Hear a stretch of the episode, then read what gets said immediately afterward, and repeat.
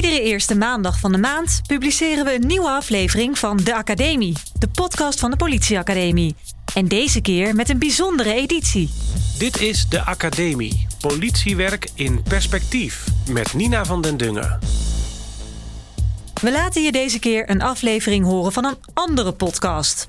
Namelijk van de podcast Radio Stilte. Een initiatief van de School voor Politieleiderschap van de Politieacademie. In april 2022 verscheen er een aflevering met Dagmar Oudshoorn. Zij is directeur van Amnesty International en daarnaast is ze ook voormalig politiechef en voormalig burgemeester. De aflevering gaat over mensenrechten en waarom die volgens Dagmar een essentieel fundament zijn voor politiewerk. Dat we precies deze aflevering kiezen heeft een goede reden. Binnenkort verschijnt er een speciale aflevering van deze podcast, de Academie.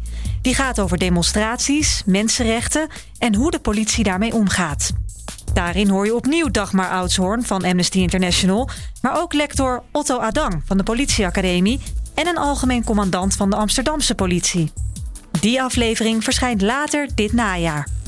Maar nu eerst de podcast Radio Stilte. En hoe kun je zorgen voor een veilige samenleving als je door je acties het voor een ander deel van de samenleving onveilig maakt? Attentie, graag een moment. Radio Stilte.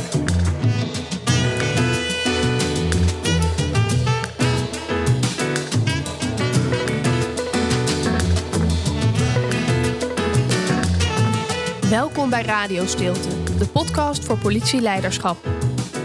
Ik ben Sophie Gootjes en samen met mijn collega Pietijn Peters interview ik iedere aflevering een gast over een woord dat voor hen van bijzondere betekenis is. In deze aflevering spreken we Dagmar Oudshoorn over mensenrechten.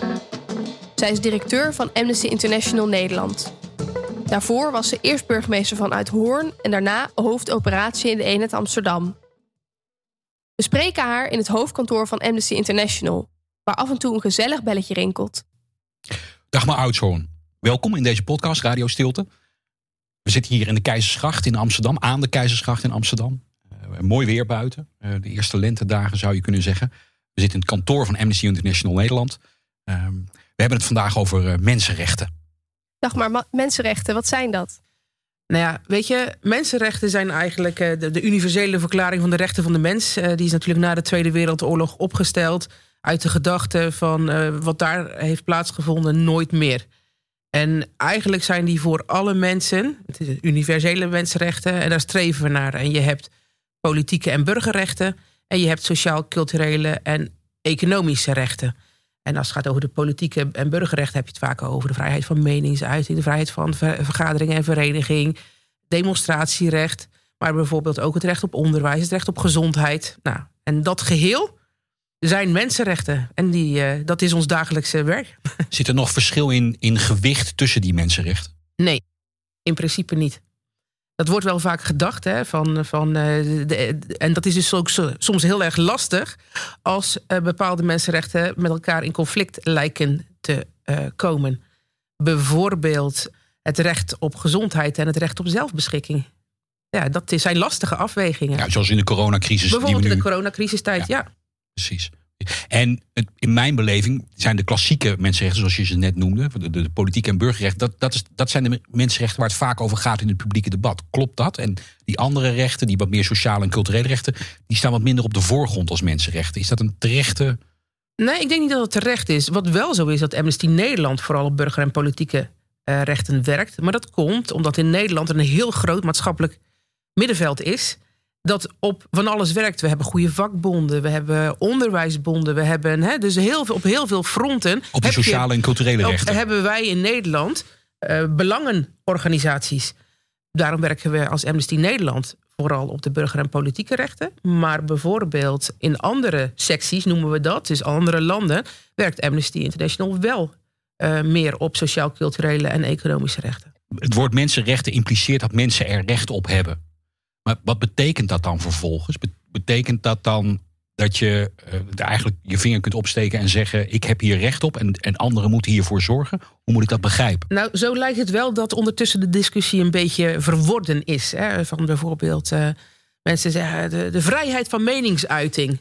Maar ze vergeten dat een, het mensenrechtenstelsel eh, eigenlijk inhoudt de verhouding tussen overheden en hun burgers.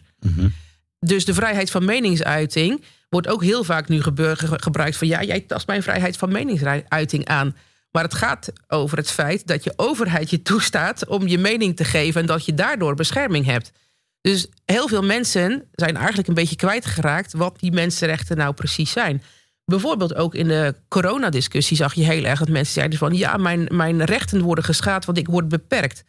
Maar in mensenrechtenverdragen staat heel erg duidelijk dat overheden ook verplicht zijn om mensen te beschermen tegen pandemieën. En dat daaruit voortkomend er ook maatregelen genomen mogen worden, mits die proportioneel, transparant, tijdelijk enzovoort zijn.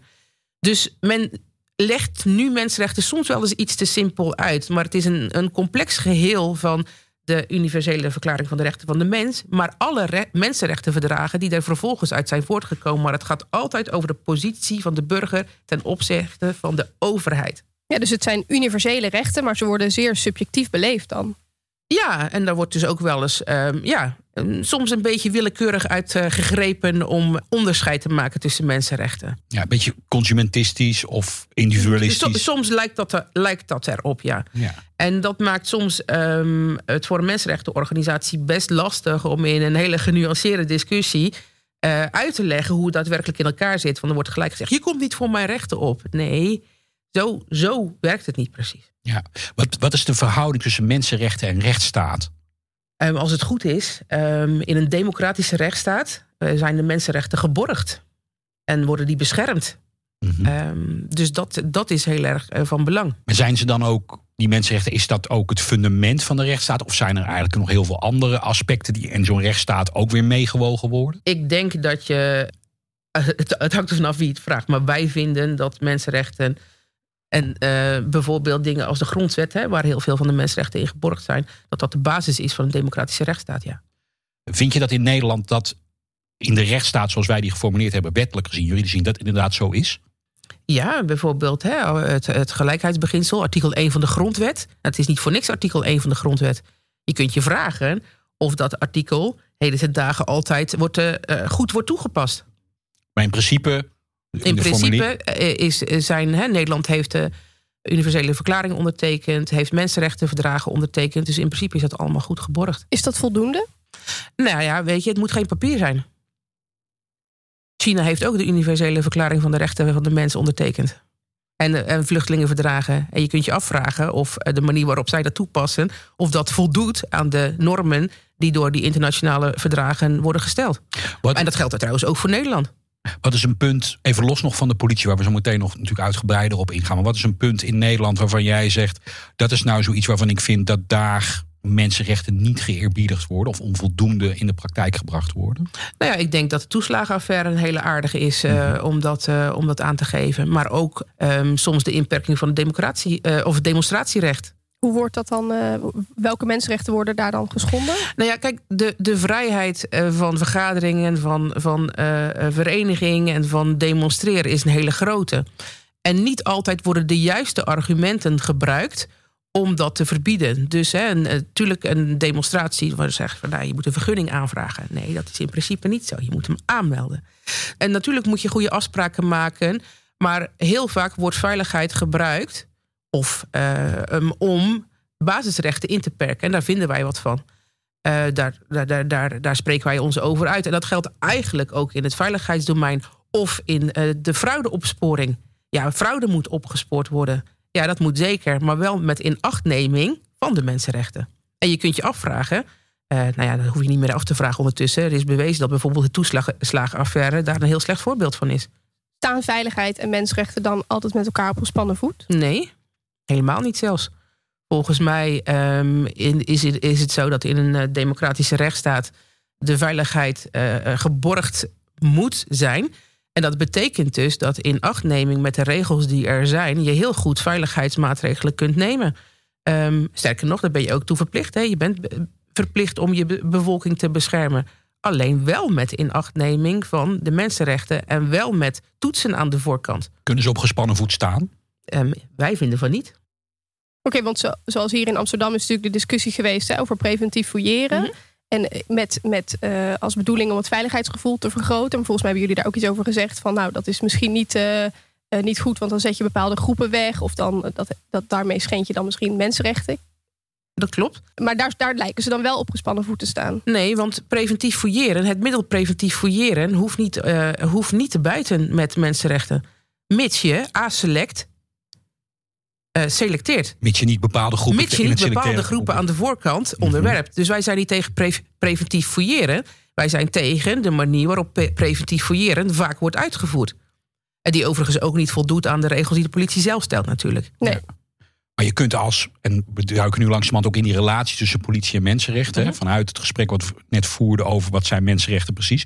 Maar je kunt natuurlijk als uitvoerend politieman of politievrouw denken bij bepaalde groepen verwacht ik een, grotere kans op onveiligheid. En dus maak ik daar de inschatting dat ik die er even uitpik. Maar volgens mij hoor je als uh, politie uh, um, een, uh, professioneel, professioneel te handelen. Mm -hmm. En dus ook je eigen instructies als het gaat over preventief fouilleren te eerbiedigen. Mm -hmm. En dat mhm. betekent dus niet denken. Nou, hè, ik ben in Amsterdam West of ik ben in Zuidoost. Nou, ik heb alles dit.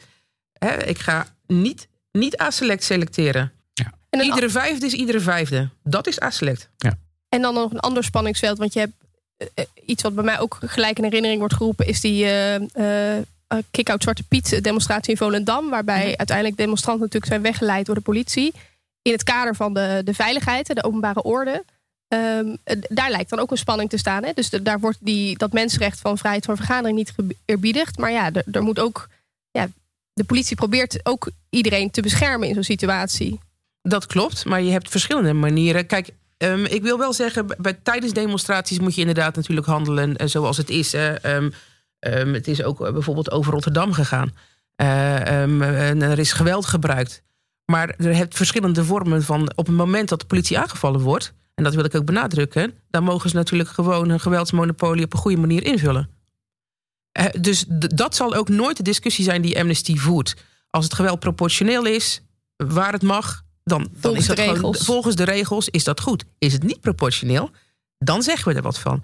Dus je kunt bijvoorbeeld ook het onderscheid heel duidelijk zien dat we soms uh, bijvoorbeeld in Den Haag, hè, waar nu ook een zaak gaat lopen, daar heeft Amnesty gezegd: dit is niet proportioneel. Welke zaak was dat even voor de dat, luisteraars? Dat, uh, dat, is, uh, dat was waar um, er vrij heftig geweld werd gebruikt tegen demonstranten. Op het Malieveld. Op het Malieveld, de foto's met de politiehond. Klopt. Ja. En daar kun je van afvragen: is dat proportioneel? Daar hebben wij dus ook vragen over gesteld. Mm -hmm. En we vinden dat daar onderzoek naar gedaan moet worden. Er moet geëvalueerd en van worden geleerd.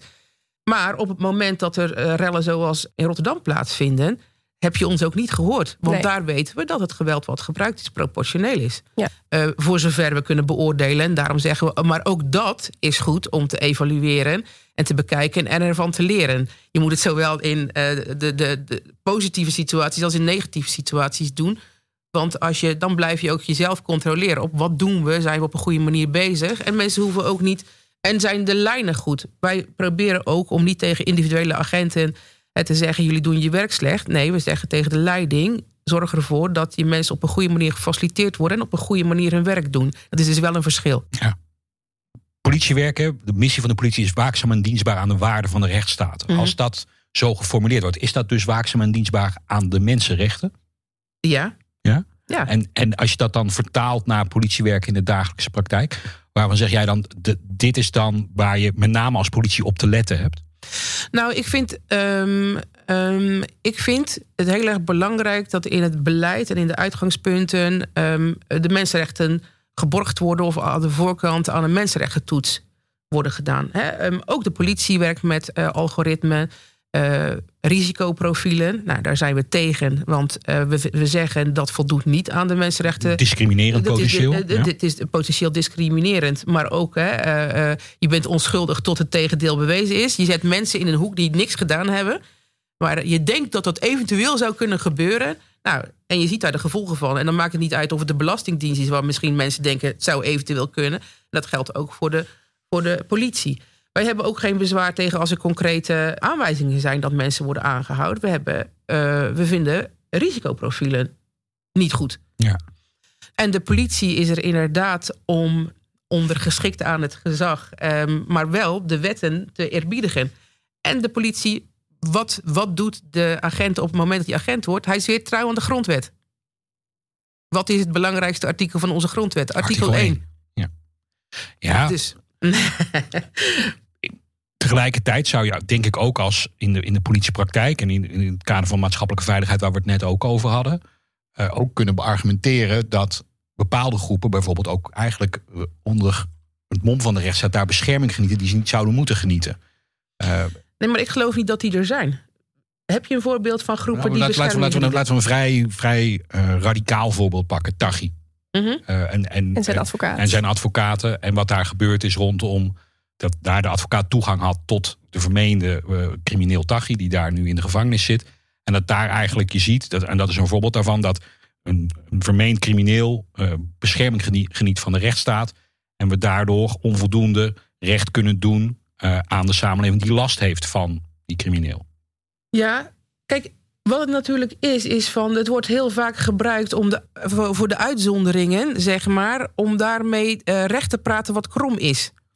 Mensen, er zijn altijd mensen die misbruik maken van eh, eh, een heleboel waarden. Die moet je aanpakken. Maar dat wil niet zeggen dat je daarmee ervoor moet zorg voor dragen dat al die, ba- die basisafspraken die er niet voor niks zijn, dan ineens zomaar met voeten kunnen getre- eh, worden getreden. Ja, maar dat klinkt wel een spanningsveld. Klopt dat? Nou, ik weet niet of dat een spanningsveld is. Ik kan me de neiging wel voorstellen dat als er iets gruwelijk mis is gegaan. Nou ja, je kunt zeggen bij die advocaat van Taghi. Natuurlijk destijds ook bij de, bij de Bulgare fraude. Hè, die uiteindelijk tot de toeslagenaffaire heeft geleid.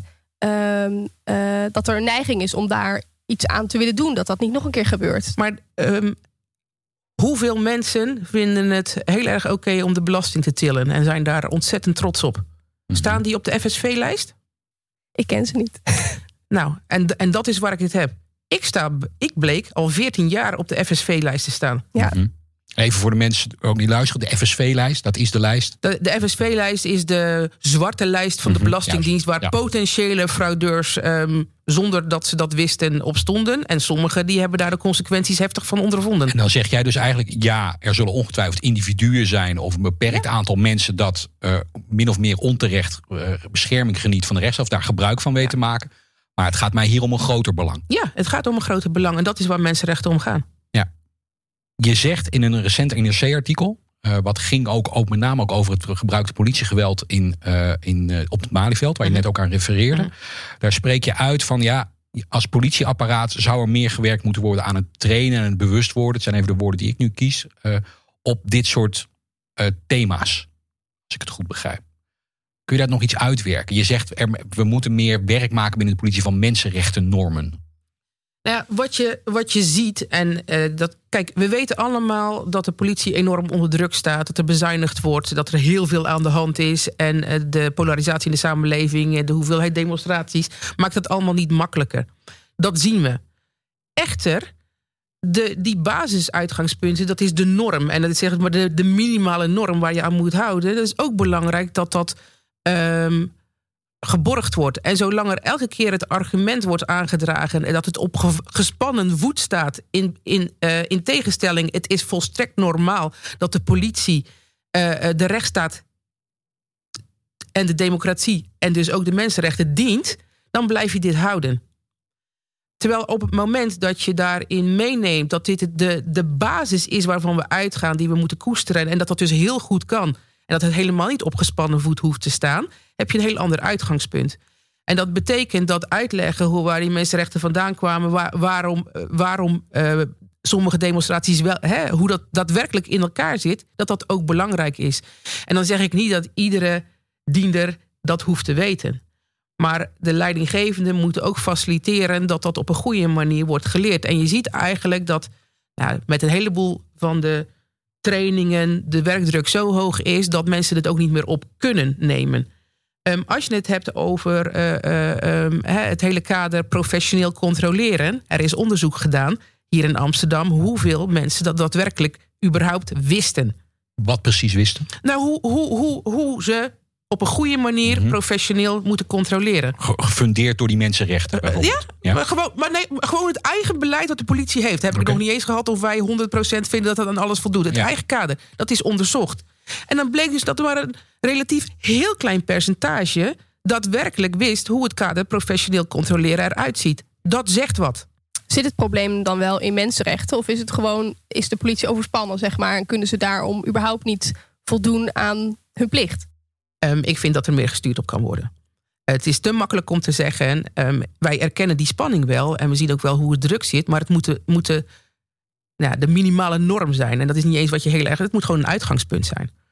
En dat als op het moment dat er dan, dan hebben we het nog niet eens over uh, zaken waaraan, waarover discussie is, maar gewoon een kader wat uitgerold is waar je aan zou moeten houden.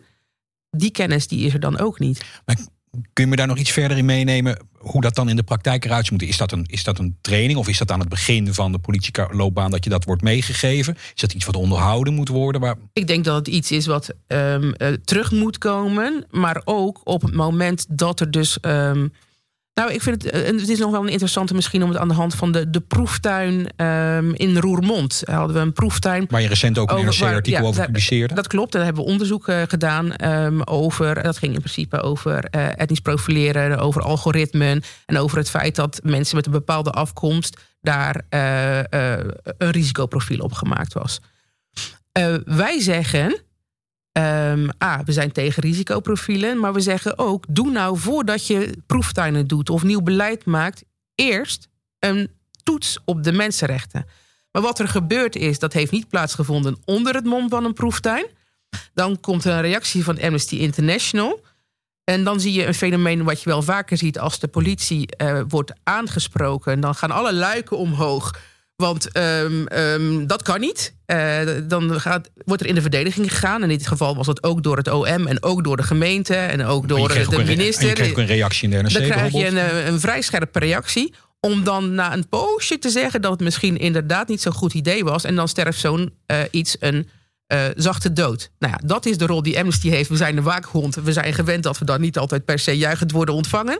Um, maar aan de voorkant dat meenemen is heel erg belangrijk. En wat ik dan wel goed vind, is op het moment dat nu ook uh, binnen de politie hè, de, uh, men meer bezig is. Er is een ethische commissie, uh, daar doet Amnesty overigens ook aan mee.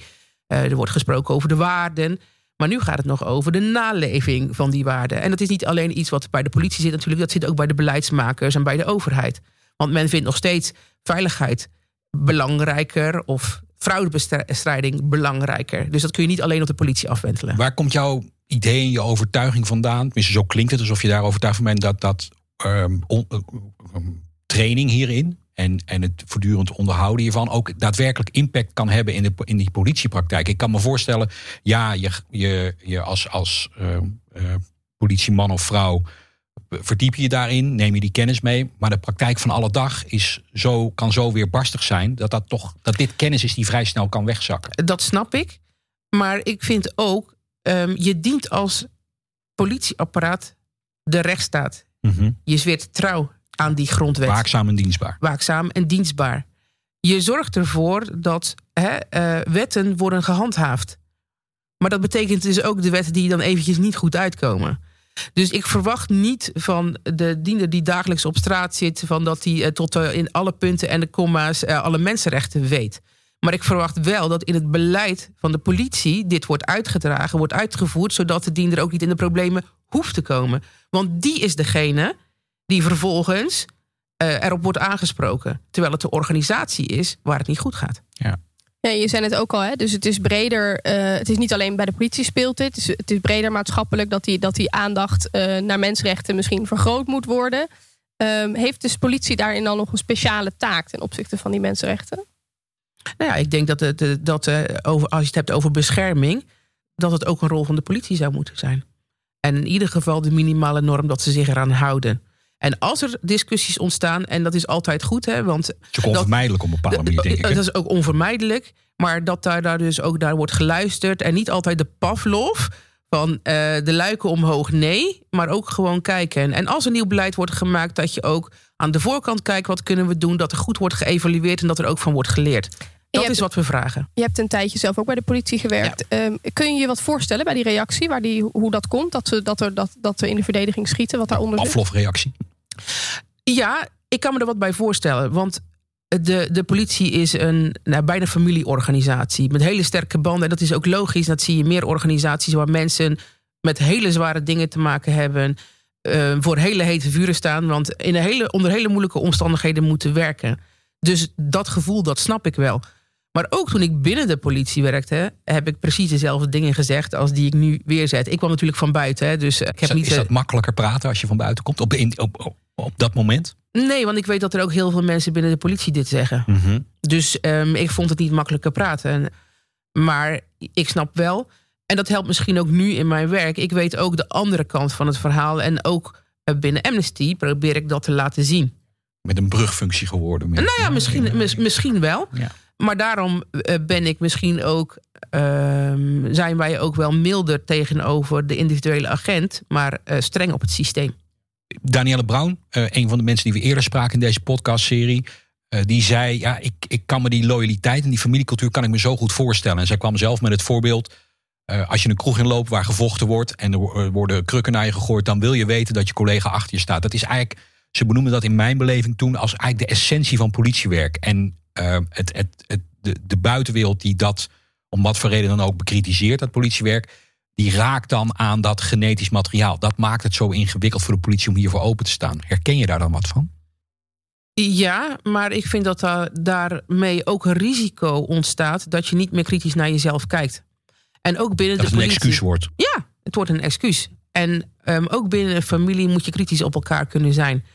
En ook binnen de politie is natuurlijk elkaar aanspreken ehm, soms best wel complex. Mhm. Maar hoe heb je dat zelf ervaren? Ja, ik had daar niet zoveel last van, want ik Je vind gewoon dat je dat moet, Wat, moet zag, kunnen doen. wat zag je? Nou ja, ik zie dat dat best wel is. En ook als er intern dingen fout gaan, ja, dan moet het intern worden opgelost. Maar als je fouten maakt, dan moet je toegeven dat je fouten maakt. En dat je daarvan leert en dat je verder gaat. Want dat zorgt er ook voor dat de mensen het vertrouwen in de politie houden. En hoe kun je zorgen voor een veilige samenleving als je door je acties het voor een ander deel van de samenleving onveilig maakt? Is dat dan ook wat mensenrechten zo urgent maakt dat het eh, een plaats zeg maar, verdient hè? in het hele drukke politiebestaan? Dat, dat, Ja. dat vertrouwen van die samenleving. Oké. Naar de rol van leidinggevend. Je zegt er al af en toe wat over. Hè? Over, over dat je zegt, het gaat me eigenlijk niet om de individuele diender. Of de individuele politieman of vrouw. Het gaat mij om het systeem. En dat, dat klinkt dan in mijn hoofd op dat moment als... eh, dan ga je kijken naar leiderschap. En wat leiderschap daarin te doen heeft. Wat zijn jouw ideeën daarover? Nou, dat, ik vind dat dat leiderschap heel erg belangrijk is. Nou ja, wat, ik, wat me bij de politie al puzzelde toen ik daar nog werkte, was eh, de discussie over etnisch profileren. Die werd altijd heel erg, eh, oh ja, want dan zeggen we dat mensen discrimineren. En ik- is het dat beschermende naar de mensen toe? Eh, Ja, maar ook wel het een moeilijke discussie vinden. Terwijl ik denk, ehm, wat mij altijd opviel, is dat ehm, als er andere fouten worden gemaakt, of eh, als je je wapen niet goed gebruikt, dan is het wel een professionaliteitsdiscussie. En waarom is het dan, eh, als het gaat over etnisch profileren, wordt het ineens een hele lastige discussie? Het gaat ook over professionaliteit. Mhm, Het gaat over weten wat je wel en wat je niet mag doen. mhm. En hoe je dat moet doen. En hoe duid jij dat dan? Waarom dat dan een ingewikkelde discussie is? Eh, Nou, dat heb, ik, dat heb ik eigenlijk nooit begrepen. Maar ik vind wel dat, je, eh, dat als je het hebt over professionaliteit, maakt dat er dus onderdeel van. En in mijn wereld was dat heel simpel. En ik heb nooit begrepen, en misschien ook niet willen begrijpen, waarom dat dan zo complex is. Ehm, want op het moment dat je het ge- gewoon aangeeft van. Hè, en de politie is ook intern niet mild, eh, bijvoorbeeld als het gaat over straffen of als er dingen fout gaan. Maar op het moment dat er gruwelijke WhatsApp-groepen rondgaan, dan wordt dat intern besproken. Denk je dat dan mensen buiten nog daar vertrouwen in hebben? Mhm. Dus ik vind het, soms vond ik de politie echt te hard. En dan dacht ik van, hé, hey, weet je, mensen maken fouten, geef ze nog een kans. Maar dan werd er door de hele VIC-procedure vlogen de mensen uit waarvan ik dacht van, nou, ik had die best nog een kans willen geven. En soms denk ik, worden er dingen toegedekt waarvan ik denk, dat zou jou moeten pakken. Maar dit, dit intrigeert me, omdat dit een thema is ook wat, wat terugkomt in verschillende Mhm. podcasts die we, die we maken. Wat, wat is dat dan in die, in die politiecultuur wat dit ingewikkeld maakt? Je hebt, je hebt er zelf een paar jaar rondgelopen. Ja. Je kijkt er nu weer naar buiten, van buiten naar. Door jouw werk voor, als voor Amnesty International is er ook regelmatig die spanning met het politiewerk. Dat hoort er dan ook bij. Maar wat maakt dan in die politiecultuur dat, dat, dat bij wijze van spreken er een soort ehm, ongemak is ten aanzien van dit soort gesprekken over, over mensenrechten en ook in dit geval over etnisch profileren? Ik weet niet of er ongemak is. Ehm, het wordt veel gezien als het, het interveneert met ons werk.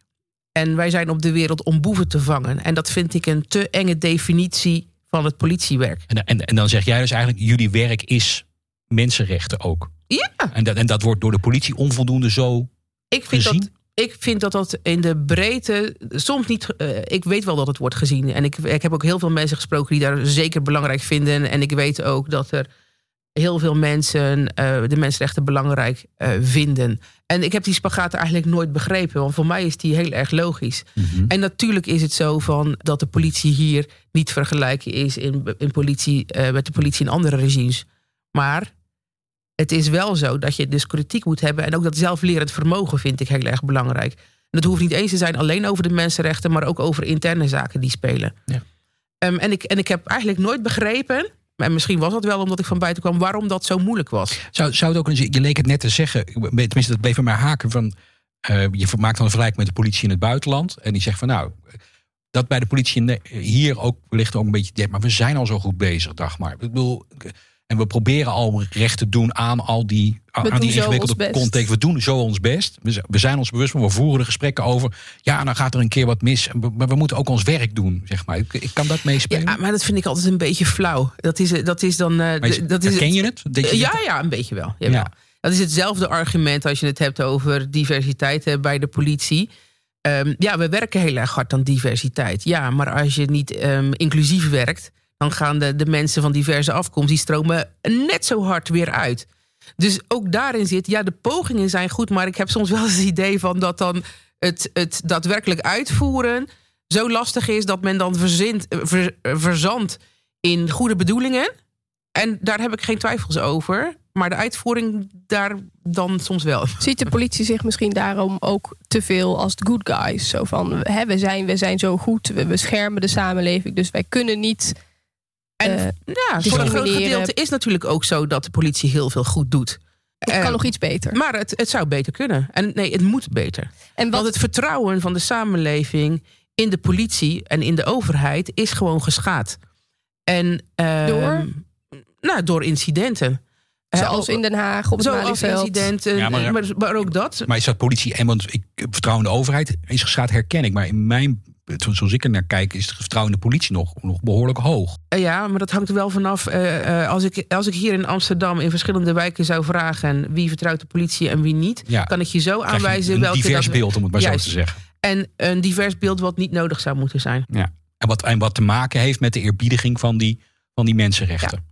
Dus het, het verschil in vertrouwen moet kleiner. Hè, Je zou kunnen zeggen, het, eh, als je globaal kijkt, is het vertrouwen hoog. Maar de, Ja. de verschillen zijn groot en Ja. die moeten kleiner. Ja. We hadden het over, over de rol van leiderschap Mhm. daarin. Hè? En, en je hebt een paar jaar meegelopen ook in het politieschap en, en leidinggevenden zien opereren. Hoe, hoe geef je dat vorm in de dagelijkse praktijk? Als je zegt, ja, toch meer oog voor die mensenrechten, voor die, voor die fundamentele basis van onze rechtsstaat, om het maar Mhm. zo te noemen. Wat, wat betekent dat in de dagelijkse praktijk van leiding geven? Nou, in ieder geval dat je moet bereid zijn ehm, om te leren van dingen die niet goed gaan. En dat ook proactief uit te dragen. Dus een lerende cultuur een, is dan leren- een mooie, een lerende een cultuur. term. Een lerende en evaluerende cultuur.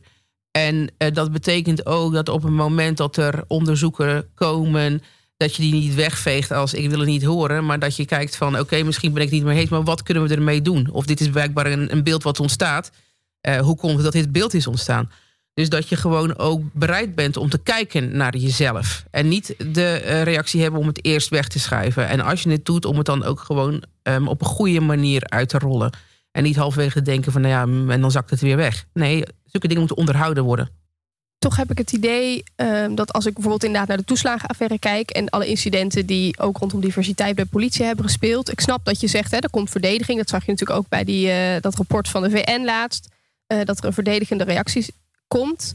Eh, maar je ziet juist ook, ik heb het idee meer dan bij de Belastingdienst, wel ook een openheid en bereidheid om te praten. Herken je dat hem? Of Ja, dat niet. denk ik wel. Maar ik denk ook dat dat komt omdat de politie al langer eh, wordt aangesproken. Dus, dus ehm, als het bijvoorbeeld gaat over etnisch profileren, Amnesty die doet dat al jaren. Ehm, Op dat thema ehm, op hameren. dat thema. Ja. En er zijn meer organisaties die daar zijn. En dat is hè, in het begin. Eh, kan ik me herinneren dat Amnesty, nou weet je, we werden verguisd. Dat dat, dat, eh, eh, eh, Dat was de Pavlov-reactie. gebeurde. Dat was de Pavlov-reactie. en nu word je gewoon uitgenodigd voor een podcast. En nu word je uitgenodigd voor een podcast. Maar dat is ook goed. Ja. Ehm, en ik denk dat dat, dat dat van belang is. En ehm, nou ja, er zijn eh, meerdere instituties die dus blijkbaar ehm, eh, bij voorkeur versneld dit, dit eh, traject ook moeten gaan doen. Ja, Dat leren en evalueren nog even, hè, waar je het over Mhm. hebt. Wat, wat, wat leidinggevende, waar ze de toon in zouden moeten aangeven. Mhm. Dat na incident of na momenten waar je denkt, oeh, misschien niet helemaal goed gegaan. Dan, ehm, het lijkt mij wringen met, met ook weer het wezen van, de, van politiewerk. Want eigenlijk, politie zou je kunnen zeggen, no- in eerste instantie een noodhulporganisatie, een crisisorganisatie, wat snel reageert, daadkrachtig zijn. Ja. daadkrachtig zijn. Dan is wat jij bepleit, is eigenlijk een beetje eh, tegennatuurlijk voor politiemensen. Dat geloof ik niet. Kijk, Nee? je moet op dat moment moet je handelen. En daar, eh, weet je, enzovoort. Maar ehm, ik heb natuurlijk ook lang eh, eh, als burgemeester eh, de crisis. Den. Nou, er is geen crisis die niet echt compleet van voor tot achter, van binnen tot buiten geëvalueerd wordt. Dus weet je, ehm, eh, dus dat argument vind ik ook niet een van de sterkste. Ja, Maar, en ik snap wel dat op het moment. Dat is dus het verschil waar, waarom, ik, waarom we vinden dat er verschil is tussen het dagelijkse werk op straat. en de structuren die erachter zitten. Maar juist een crisisorganisatie evalueert. Want als er iets niet goed gaat in een crisis. ga je ook denken: hoe moet het de volgende keer beter? Ja, we, En dat, we evalueren natuurlijk wel, maar morgen staat ook de volgende crisis weer klaar. Dus Ja. of we daar ook zeg maar dan achteraf ook echt op reflecteren na die evaluatie, dat, dat, dat weet ik nou ja, er zit wel een lerend vermogen in. ehm, en dat zit ook in het hele systeem. Daarom moet je ook het systeem aanpakken. Kijk ook met grote crisissen. ehm, op het moment dat er eh, iets fout gaat in onderlinge communicatie. of wat dan ook. en dat heeft eh, ongelukken of ongevallen of doden tot gevolg. ehm, dan wordt daarvan geleerd. En dan worden er instructies uitgeschreven. Die worden uitgerold. En er worden nieuwe protocollen gemaakt enzovoorts. Dus als het bij een crisis kan, kan het bij dit ook. Ja. Daar Maar- ben ik toevallig dan wel van overtuigd. Dat moet, dat moet hetzelfde zijn. Je zegt in het gesprek een aantal keer structuren aanpakken, systemen verbeteren. Dat, in mijn hoofd is dat op een gegeven moment, blijft dat ook nog wat dan wat abstract, merk ik. Waar in het politiesysteem of waar in de politiestructuur ehm, zou je kunnen zeggen, daar kun je dus een, iets aanpassen, iets verbeteren. Nou ja, simpelweg van, met, het, met, het, eh, met het, eh, het geval wat ik inderdaad vertelde als het gaat over hè, ehm, de aanpak of het tegengaan van etnisch profileren, maar Mhm. professioneel controleren. Waarom als er iets zo wordt uitgerold, wordt er ook niet getoetst of de mensen het überhaupt weten wat ze moeten doen? Dus dat, dat, bouw je in op het moment dat je Ja. daarmee begint, in, in jouw Ja. eenheid, op die plek. Ja. En, dan, en dan vraag je op dat moment aan die collega's, hey, heb je dit op het netvlies staan? Zoiets? Mm, Ja, we- we- hoeveel, hoeveel e-learnings moeten er binnen de politie ehm, gedaan worden? Ehm, ik, ik heb altijd mijn vragen eh, me afgevraagd of mensen dan ook daadwerkelijk zo, hè, als dat ingevuld was, want ik had altijd het idee dat dat kwam van, nou ja, we moeten het doen. Ja, ik kan me het goed voorstellen. Eh, en dat kan ik me ook voorstellen. Is dat dan de manier om, di- om dit soort eh, belangrijke ehm, informatie uit te leren? Misschien moet je dat dan afvragen, want ik denk iedere diener die je vraagt, hoe, wat vind je van de e-learnings? Bijna iedereen vond dat een verplicht ding. Ja, en, en daar zit dus ook wel weer de toon die leiderschap moet aangeven, wat jou is, betreft. Is, is dat dan de beste manier om daadwerkelijk dingen uit te leren? Maar ook als het gaat van, nou ja, worden er incidenten eh, geëvalueerd? Hè? Van, we hebben nu de, de taser. Nou, mogen duidelijk zijn wat eh, eh, Amnesty vindt van de invoering van de taser. Grote risico's. Nou, dan komt er een groot incident waar dan iemand al ligt en die krijgt vier tasers. Ehm, en wat dan zo goed zou zijn, is dat je ook terug zou horen. En hey, we hebben als politie, dus dat wij niet met z'n allen het moeten gaan zeggen van hé, hey, hey, we hebben vier tasers. Is dit nou volgens de instructie? Dat dan ook proactief wordt gezegd van hé, hey, dit is het eerste incident, heeft in alle kranten gezien. Misschien moeten we hier eens even goed naar kijken. En misschien gebeurt het wel, maar het wordt niet naar buiten gebracht. Moet dat? Soms zou dat heel goed zijn. Dat als je zelf ziet dat eh, jouw mensen zoiets zouden doen, is het dan ook niet goed? Want hè, de reactie die kon je zien hè, van de taser ingevoerd. eh, nou, het leek een verwarde persoon. Hij leek lijkt, lijkt, lijkt. Je kan natuurlijk ook pro- proactief zelf zeggen: we hebben dit gezien, we gaan dit evalueren, we komen erop terug. En dat ook communiceren. In plaats van op het moment dat eh, hè, zoiets gebeurt, is de neiging om ja, geheel terecht. mm, en dan krijg je die Pavlov weer. Ja, maar, maar in dit voorbeeld kan ik me ook dan voorstellen dat die politieman of vrouw, over wie het dan gaat, als er naar buiten gegaan wordt, denkt: zie je wel, ik ben de kroeg ingelopen en ik word niet gedekt. Maar dat, dat weet ik niet, want ik neem het ook de mensen niet kwalijk dat ze hebben. Maar hoe ga je nou als overheid om met het feit dat het gebeurt? We hebben een discussie over de taser. Je kunt je afvragen, hè, van, er is ook onderzoek gedaan, er is onderzoek enzovoort. Nou, neem het mee in je evaluatie. Zijn- eh, Gaan wij niet over elke casus beginnen, maar wordt dit meegenomen in de evaluatie? Al wordt dat, al wordt dat maar aangegeven. Ja. Het gaat dus niet om een afrekencultuur. Dat is wat anders. Dat snap ik. Ik snap ook dat jij dat zo uitlegt. Maar ik kan me wel voorstellen dat diegene of dat team waar dat op dat moment speelt, het wel zo ervaart op dat moment. Maar En dan ben ik dus- nog veilig nu in mijn werk? Ja, maar dat, dat is dus wat de politie intern zou moeten doen. Mensen mogen, moeten fouten mogen maken. Ja. Je hoeft niet gelijk dan, weet ik veel hoeveel. Nou ja, dat vond ik altijd. eh, ben ik, wel- ik, toen ik van buiten kwam, de eerste VIC-dingen, dacht ik van jeetje. Weet je? Dus het is goed om te onderzoeken. Maar ehm, ja, als je iets nieuws hebt, dan gaan er mensen doen. En het is dan vervelend dat daar dan iemand eh, eh, eh, ligt. Maar ik vind ook dat je echt gewoon goed moet kijken van hoe kun je evalueren en leren zonder gelijk een afrekening, afrekencultuur te hebben. Ja, zonder dat je je onveilig gaat voelen. Ja. Want ik weet ook dat die mensen de volgende dag weer ergens voor moeten staan. Ja. En elke dag afwegingen moeten maken. Ja. Ja. Maar ehm, dat is waarom ik het een beetje abstract in het systeem hou. Ja, Wat doe je met dit soort incidenten? Precies. Want, want dat is wat jij nu benoemt. Hè, de dag daarna weer naar buiten. Dat is dan het risico dat die politieman of vrouw op dat moment voorzichtiger gaat worden. En voorzichtiger gaat worden. Omdat hij denkt, ja, kan ik. ik, Nee, maar ze moeten niet voorzichtig worden in de zin van. Maar ze moeten wel nadenken natuurlijk. En dat is ook met wapengebruik, elk wapengebruik zo. Heb ik gehandeld binnen de kaders die ik heb gekregen? En hè, nu is het met een taser, maar met een wapen wordt het ook onderzocht. En dan heb je ook nog. Dus ik snap nooit zo waarom dan de angst voor ik word afgerekend. Dat zou niet moeten, maar het leervermogen ook. Want je wordt natuurlijk in een volgende training wordt gekeken van hey, mag dit? En mag je nog een keer vuren? En, mag je nog een keer de stroom erop zetten? En, en mag je op één persoon met vier, met z'n vieren tegelijkertijd zet- schieten? zetten we die hond in op het Malieveld. Dat, dat soort Dat is een afweging die je altijd moet maken en dan moet je ook leren. Dus als ik dan weer even terugga naar de rol van de leider. Aan de ene kant, hè, dus goed evalueren, kijken naar incidenten, eh, daarvan leren. Maar ik hoor je nu ook iets zeggen. Je moet ook mensen beschermen. Dus je moet ook mensen de ruimte Ik vind dat geven elke, om. ja, ik vind dat elke werkgever zijn mensen moet beschermen. Worden er fouten gemaakt die echt niet door de beugel komen, moet je natuurlijk Dus, optreden. maar moet, moet de politie dat meer doen dan ze, dan ze nu doen? Nou, dat vind ik lastig. Want dat is een soort van, en dat is even puur wat ik dan binnen de politie heb gezien, gebaseerd op mijn ervaringen, is dat ook daarin soms, nou ja, de, de onschuldpresumpties buiten, zeg maar, ook niet altijd intern er, er is. Ehm, Onschuldig ehm, tot het tegendeel bewezen is, bedoel je? dat, maar ook eh, je- dat er fouten gemaakt kunnen worden en dat, dat mensen dan bang zijn dat ze dat persoonlijk wordt aangegeven. Kijk, als je strafbare feiten pleegt enzovoorts, en, hè, dan gaat er gewoon een systeem werken. Maar je hebt natuurlijk een heel systeem van, van eh, waarin wordt gezegd het wordt intern afgehandeld, maar voor de buitenwereld men weet niet hoe dat wordt afgehandeld. Heb je dan vertrouwen in je politie? Ja, daar kan wantrouwen ontstaan in ieder geval. Juist. En als je gewoon duidelijke kaders hebt, dan is het zowel duidelijk voor je mensen zelf en veilig voor je mensen zelf. Maar het mag nooit een argument zijn om niet transparant te zijn. Ja. Want dan worden mijn mensen bang. Nee. afrondend. Eh, politie en mensenrechten. Wij hebben, en dat, misschien, ik zat ook wel aan de juiste slotvraag, lang ook wel gedacht, zouden we naar je toe gaan voor dit gesprek? Omdat er bij de politie bij dachten, ja, vinden ze dit onderwerp interessant? Gaan ze niet, anders staat er niet een beetje zo, oh, mensenrechten, een beetje zuchtend, oh, dat moeten we ook doen, et cetera. Waarom is dit een relevant gesprek?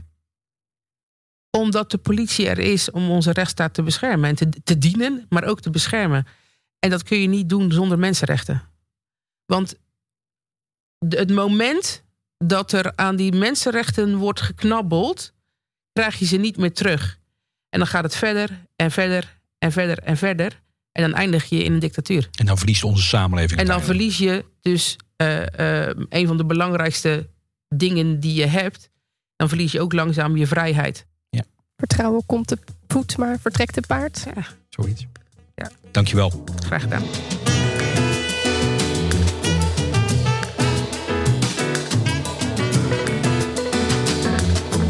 We zijn aan het einde gekomen van deze aflevering van Radio Stilte. Mocht je naar aanleiding van deze podcast vragen of opmerkingen hebben, dan kun je deze mailen naar politieleiderschap.politieacademie.nl. Bedankt voor het luisteren. Je luisterde naar een aflevering van de podcast Radiostilte. Een initiatief van de School voor Politieleiderschap van de Politieacademie. Dank aan presentatoren Sophie Gootjes en Piet Hein Peters. En uiteraard aan Dagmar Oudshoorn, directeur van Amnesty International. Wil je meer horen van deze serie? Dat kan. Er zijn ook afleveringen over identiteit en over digitale transformatie bijvoorbeeld. De podcast is te vinden in alle bekende podcast-apps als je zoekt op Radio Stilte. En volgende maand zijn wij er weer met een aflevering van De Academie. Mijn naam is Nina van den Dungen en dank voor het luisteren.